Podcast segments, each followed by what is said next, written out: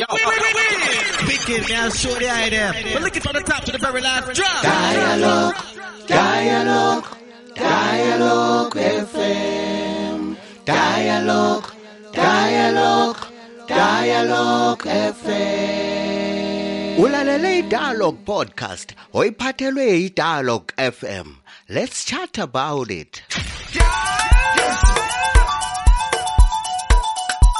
Alo, uMadlela lo, nilale linyazarane lakobulawayo.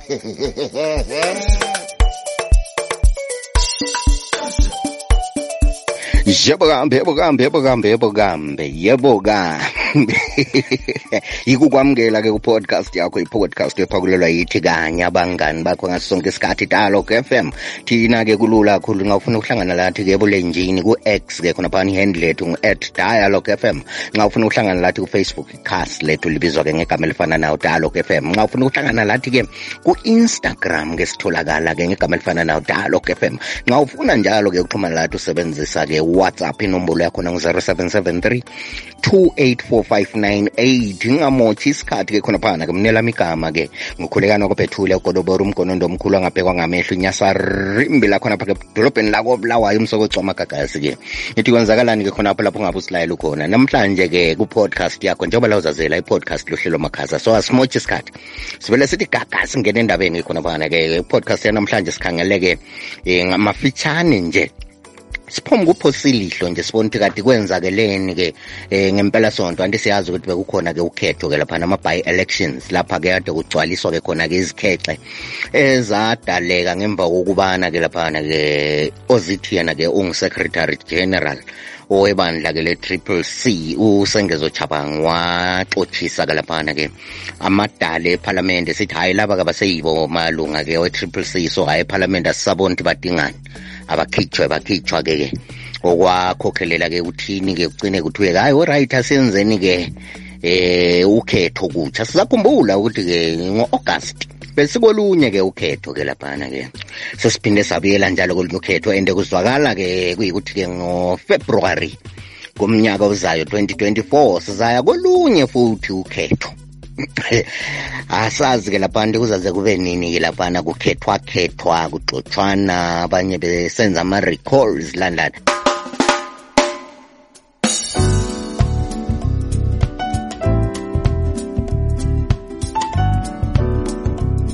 konke khona yithi kanye abangani bakho ngaso sonke isikhathi dialogue fm thina ke siphuma fronto njengekhala lejohn lerodisia nihlala ngikhuluma khona phana nisithi abanye bonke balandele emuva njengomsila wendlovu yekharipa.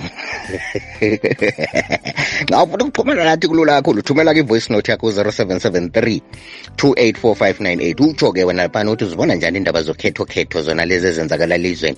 Nxa sisizwa ke laphana ke imbiko ithi kusetshenziswe imali efika 5 million 5 million amadola e-amerika. Kulungiselelwa ke ukhetho lonolu lokuqhutshwa kwalo lakho konke nje kuze liqhutshwe nje ukhetho lonke. Luphele kusetshenziswa imali efika kama-5 million. Qala ngathi imali ke le mali ebengasinceda-ke ngento eziningi elizweni laphana. Uma sikhangela ukuthi-ke ziningi kanjani into ezisithwalisa nzima-ke elizweni laphana okuhlala kuthiwa hayi imali yalokho ayikho imali yalokho ayikho. Kodwa-ke eyokhetho nansi khona njengoba ngisitsho-ke khona phana ukuthi-ke ngofebruary next year siyakwamanye futhi ama-by election. Lawo ahambelana lawo nalawa kade ngempela sonto ngoba lawo-ke adalwe ngama-recall awayenziwa ke ngubaba ujabangu-ke laphana sikhubela phambili ngohlelo lwakho. Ake sizwe khona ukuthi-ke eh umthungameli webandla ke le-mrp mthwakazi republic party umqondisi moyo yena ke lubone njani ukhetho lunolo luqhubeke ngempela sonto? Thina masikhangele sibona nje ama-by-elections lawa kuyikudlala ngengqondo zabantu nje. Yikho lizabona ukuthi imthwakazi republic party ayingenelanga. Sisuke sa-analyza izinto eziningi kakhulu sikhangele ukuthi ngo-2015 phose kwenzakala into efana nayo umorgan tsvangirai arikhola khona abantu abanjengabo-gordon moyo labanye ababewinile kobulawayo. Uthe kwenzile lokho umorgan tsvangirai waqeda lapho wangacontesti kuma-elections akhona lawo. Izanu yangena lezaphu for the first time after izaphu ihlukane lele lezanu PF ngemva kwe-unit accord ka-87 lapho izanu izaphu yaphuma khona kuzanu ngo-2009 so-ke sabona-ke abantu bakamorgan tsvangirai besehluleka ukuvotela izaphu nje ukuthi babonise ukuthi they sympathize with any other opposition party as long as kungasozanu. Izanu yangena-ke eh ngo-2015 yafaka obabu retired colonel chingadube makhokhoba yafaka obabu godfrey malaba eh ephumula. Kwaba indlela since 2000 ngabona uzakhumbula ukuthi izanu PF ibe lama MPs kobulawayo.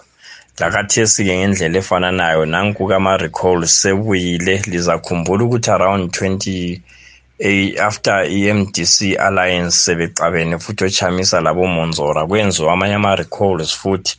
Sabona-ke izanu idobhadobha layo. Labo ochamisa bedobhadobha nanku-ke kathesi sokubuye kwadalwa futhi amanye ama-recalls eh asenziwe futhi eh kwaba lwenxushunxushu bangenisa nemakhothi baluzo Nelson Chamisa.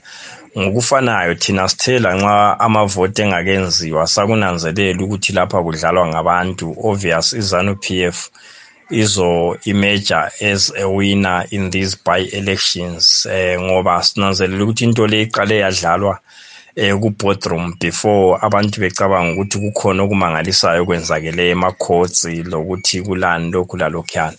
So ke ngokunjalo siyayibona layo uchamisa nxa abantu bakhe sebeblockwe yicourt ukuthi bengangeni. Ah ibikho bekhona mhlawumbe amanye ama-opposition parties acontestileyo eh njoba simbondelaye usengezo efakile abanye abantu under influence yakhe kodwa ke sibona ukuthi kube le big voter pass ngokunjalo izanu PF sidobhadobhile futhi kobulawayo amasithi njalo okusidanisayo thina njengabanye akade bebukele be obekhangele nje umumona lo oyisisana sana umtshado wezinja ukuthi eh indlela okwenzakale ngayo kuyamangaza kakhulu ngoba eh uyabona ukuthi nje lapha kudlalwa ngabantu. Izanu PF ya create this situation ukuthi kube le ithole i2 thirds majority eparliament. Kathi usengezo wathi erecalla abantu bakachamisa eqala kobulawayo wathi udila labantu besishoneni akade beimpoziwe kobulawayo. Kodwa siyamangala ukuthi kuphume amashona kachamisa kobulawayo sokungene amashona ezanu PF sibonile ama candidates athile awina ukuba ngo-MPs kobulawayo. Eh ngezanu PF ticket. Sihlala sikarjwa thina ukuthi kuyamangalisa ukuthi izanu PF ile 1979 Shona Green Plan. Ochamisa bale code triple X wonke la ama projects kumbe ama programs angawufaka amashona kwelika mthwakazi particularly kobulawayo.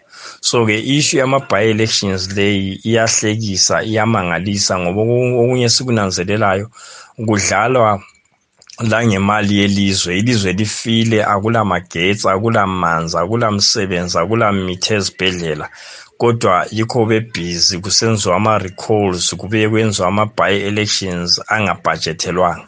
Engingakutsho ekugcineni ukuthi hhayi thina njengemthwakazi republic party siyaqhubeka ngenhlelo zethu zokuphakamisa udaba lokukhulula abakithi hhayi ngokuthembela kukhetho lwezimbabwe ngoba vele kudala kudlalwa amatope ezimbabwe from 1980 izanu p f ayikaze yawina ama-elections isebenzisa wona la ama-tactics nje ukuthi iyenze ngani iyalandela i-constitution bale democracy kodwa besenza isitsotsi esikhulu kakhulu. Ngiyabonga.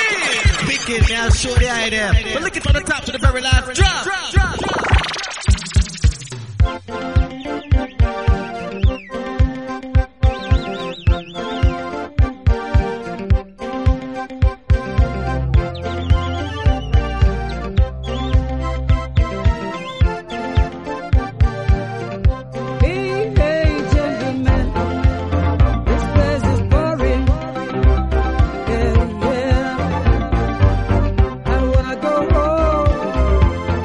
where to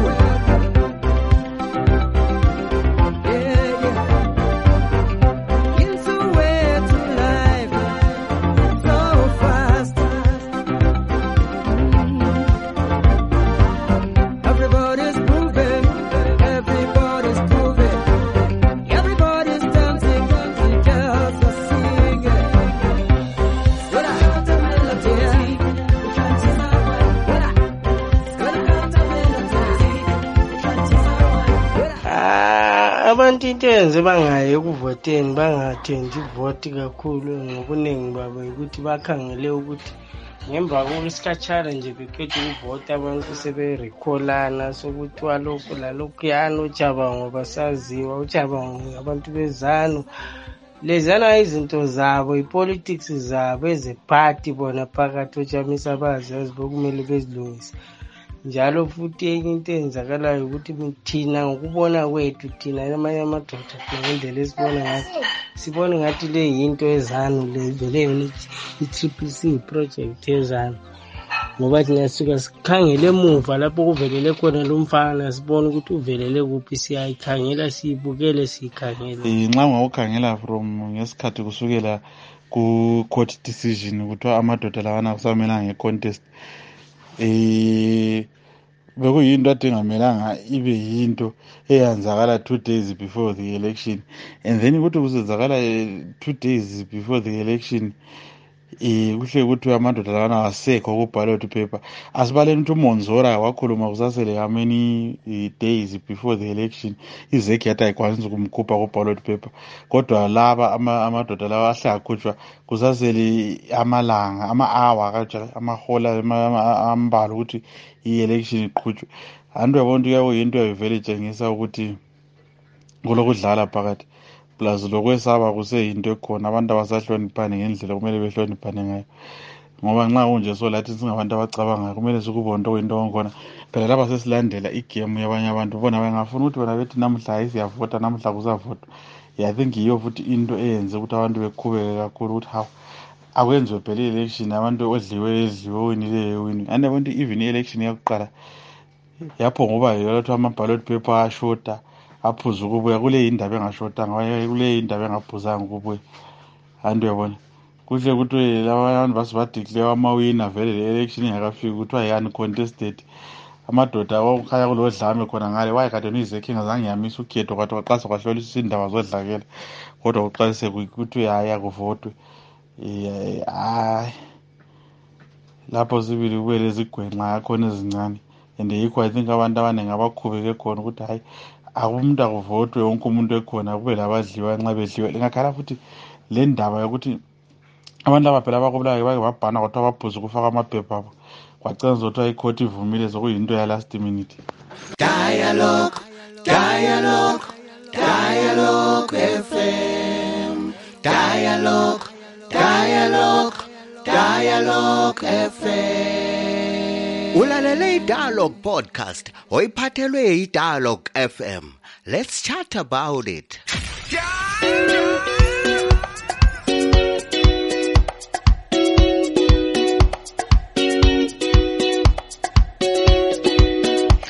Ziyabakambe bakambe konke khona kuyani ukuphawulelwa yithi kanye ingqwele yakhona kuyo kanye phuma fronto. Njengoba la uzazela khona phanti i-podcast lohlelo makhaza ngalokho-ke sesifike kwangqengetshe kuhlelo lwakho-ke lanamhlanje-ke nxa ufuna ukuxhumana lathi kulula kakhulu-ke ku-x ihandle yethu-ke ngu-at dialog f m. Nxa ufuna ukuhlangana lathi ku-facebook lakhona-ke sisebenzisa-ke igama elifana nayo dialog f m.